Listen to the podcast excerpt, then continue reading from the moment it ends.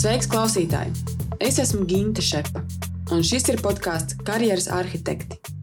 Tavs ceļvedis ar praktiskiem padomiem un metodēm darba dzīves situācijām, kad piezogas jautājums, un ko tālāk. Tās būs sarunas ar cilvēkiem no dažādām industrijām, par viņu karjeras ceļiem un dažādiem veidiem, kā cilvēki realizē sevi. Karjeras arhitektiem var sekot arī Facebook un Instagram. Tur es mēdzu padalīties ar vērtīgiem resursiem saistībā ar karjeras attīstību. Lai arī vasaras saulgrieži jau ir uz sliekšņa un gribas domāt par atpūtas plāniem, vasara ir labs laiks, kad varam nedaudz piebremzēt darbu skrējienu un padomāt par sevi, par nākotnes iecerēm, plāniem, tā skaitā par karjeru. Šodien gribu padalīties ar dažādām karjeras stratēģijām. Paskatīsimies gan uz iegūmiem un riskiem katrai no tām, un iespējams saskatīs kādas līdzības ar savu karjeras ceļu. Tā saucamais lielais online sprādziens, ko piedzīvojam joprojām Covid rezultātā, lika gaismas ātrumā pārorientēties daudzām nozarēm, un šādas pārmaiņas arī darba tirgu ienes izmaiņas. Pieaug pieprasījums pēc kompetencēm, kas darba tirgu ir jau līdz šim bijušas limitētā apjomā, jo īpaši, ja runājam par digitālām prasmēm. Mainās mūsu darba vides, ļoti iespējams arī darba devēja un darba ņēmēja attiecību formas mainīsies. Tāpēc aicinu tevi atskatīties uz savu karjeru, pameklēt tendences tajā un vienlaicīgi domāt jau par nākotnes vīziju. Gatavojoties šai epizodē, es pavaicāju savam kontaktu tīklam sociālajā platformā LinkedIn, kas ir virzījis tavu karjeras ceļu. Uz šo brīdi man ir atbildējuši 63 cilvēki, un atbildes sadalījās attiecīgi. 44% respondentu karjeru ir veidojuši tieši ekspertīzes kompetences jomā. 32% respondentu karjeru ir virzījusi iespēju apgūt dažādas prasmes un kompetences.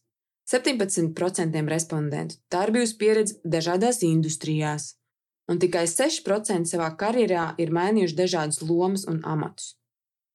Tad paskatīsimies uz katru no šīm stratēģijām sīkāk kas ir iegūmi un kas ir riski tajās. Tātad pirmā - ekspertīze kompetences jomā. Noteikti padziļināts zināšanas un gadiem uzkrātā pieredze ir vērtība. Vēl jau vairāk, ja ekspertīze ir saistīta ar unikālām zināšanām, kas tirgu nav tik plaši pārstāvēts.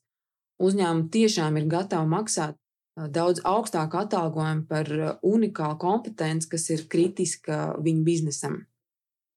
Ekspertīze dod arī iespēju ietekmēt lietas un notikumus, jo mēs tīri cilvēcīgi gribam uzticēties un paļaujamies uz ekspertu viedokli.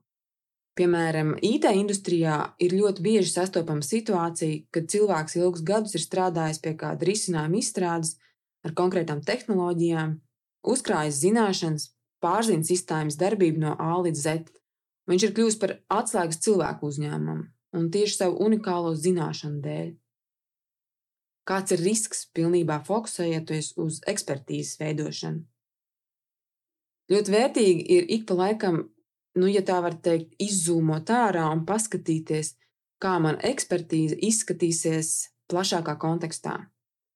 Vai būt ekspertam noteiktā tehnoloģija jomā man nodrošinās konkurētspēju arī pēc trim vai pieciem gadiem? kas notiks situācijā ar mani, ja uzņēmums pieņems lēmumu atteikties no esošā risinājuma un veidos citu sistēmu ar citām tehnoloģijām.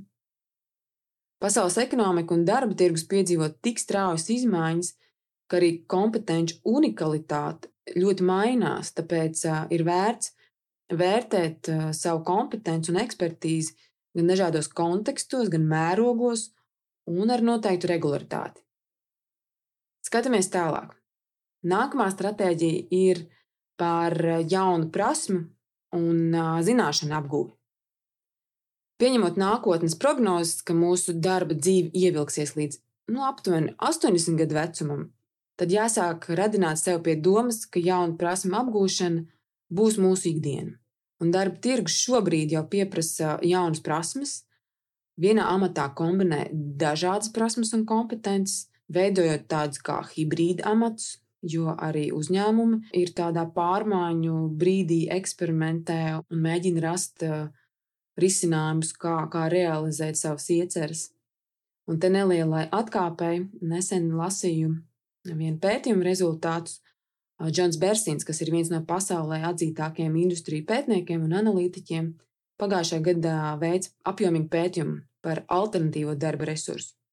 Un pētījums parādīja, ka Amerikā jau šobrīd 40% strādājošiem ir daļēji slodzes darbs, un tas ir saistīts ar cilvēku vēlmu apzināti vadīt savu karjeru. Gan laika ziņā, gan atrašanās vietas ziņā, gan arī prasmu ziņā, kā es savas prasmes piedāvāju darba devējiem.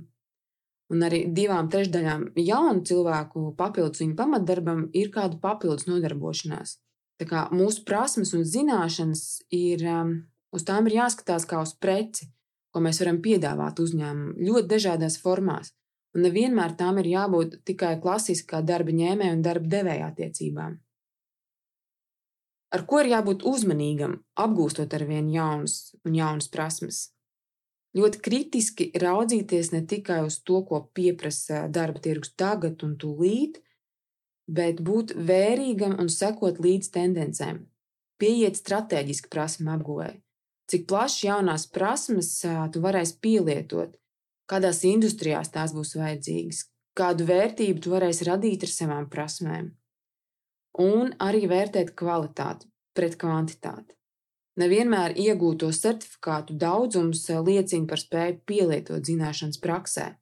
Tā kā varbūt, kad ir vērts izvēlēties divas, trīs kompetences, kuras tu šobrīd vēlēsies apgūt, un, un, un nu, tā arī kvalitatīvi, nevis sešas un astoņas tikai knapi teorijas līmenī zinot. Ejam tālāk. Trešā karjeras stratēģija ir apzināti mēģināt sev dažādos amatos un lomās. Iegūms šādai stratēģijai ir pieredzes un prasmu dažādība, plašs redzējums un iespēja piedzīvot vienu to pašu procesu, esot dažādās lomās. Tas attīsta spēju labāk izprast biznesa procesus, ieraudzīt dažādas perspektīvas un arī labāk izprast citu jomu un lomu pārstāvis. Ēnas puses biežai amatu maiņai var liecināt par fokusu un iedziļināšanās trūkumu. Tikai pašā karjeras sākumā amatu maiņa ir ļoti saprotama lieta, cilvēks vēl meklē savu ceļu. Tomēr pienāk brīdis, kad ir vērts piestāt ilgāk un, nu, ja tā var teikt, tautas valodā, izkost darbības jomu un radīt vērtību, un iespējams atrast jaunas darba metodes un pieejas tajā, ko tu dari, transformēt pašam savu amatu. Bet to ir iespējams izdarīt, nopelnot uzticēšanās garantu, tu esi parādījis, ka tev ir interese, tu esi iedziļinājies un, un, un tiešām izveidojis jau savu uzticēšanās garantu. Un visbeidzot, tad ceturtā stratēģija - pieredze dažādās industrijās. Protams, ka dažādo industriju pieredze paver plašāku redzējumu un sniedz iespējas paņemt labāko no pieredzētā. Arī iegūto kontaktu lokus paver durvis uz citkārt varbūt grūti sasniedzamu informāciju vai cilvēkiem, palīdz labāk veidot dialogu ar dažādām pusēm. Un dažādo industriju pieredze, līdzīgi kā arī dažādām lomām, attīst spēju ieraudzīt dažādas perspektīvas un radošas risinājumus. Riskantā puse pieredzēji dažādu industriju jomā ir saistīta ar pašu industriju specifiku. Ir industrijas, kurās augstu tiek vērtēta tieši specializēšanās, ekspertīze. Piemēram, jurisprudences jomā, kur jurists ar savu specializāciju konkrētā industrijā būs uzticamāks partneris nekā jurists, kas nosedz plašu juridisko pakalpojumu klāstu dažādās industrijās. Es nesaku, ka tas ir sliktāks jurists, bet sarežģītāku lietu jautājumos mums noteikti gribēsies speciālistu, kurš ir iedziļinājies manas nozares niansēs. Tādēļ jāvērtē, kādu savu karjeras ceļu gribas veidot kopumā. Un kā tu redzi, tad nav vienas pareizās stratēģijas, un dzīvē tās eh, visbiežāk tiek kombinētas. Attiecīgi no tā, kādā savas karjeras eh, dzīves posmā tu esi. Katrai no stratēģijām ir savi iegūmi un savas ēnas puses. Tāpat arī stratēģijas var mainīties laika gaitā. Ja pašā karjeras sākumā, kad meklējam savu ceļu, mums gribas dažādāku pieredzi, tad vēlāk jau sākam specializēties un veidojam savu ekspertīzi. Ko vērtīgi paturēt prātā, ka mans karjeras ceļš būs garāks kā maniem vecākiem. Mūsu apkārtējā vide, gan darba dzīve, gan personīgā dzīves telpa, gan pasaules ekonomika piedzīvo daudz straujākas pārmaiņas, kādas tās bija. Un regulāra karjeras modelēšana, pārveidošana, eksperimenti tajā būs normāla parādība. Un no tā nevajag baidīties. Tāpēc novēlu tev šajā vasarā atrast brīdi kādam radošam karjeras eksperimentam. Un tiekamies jau pēc nedēļas. Atā!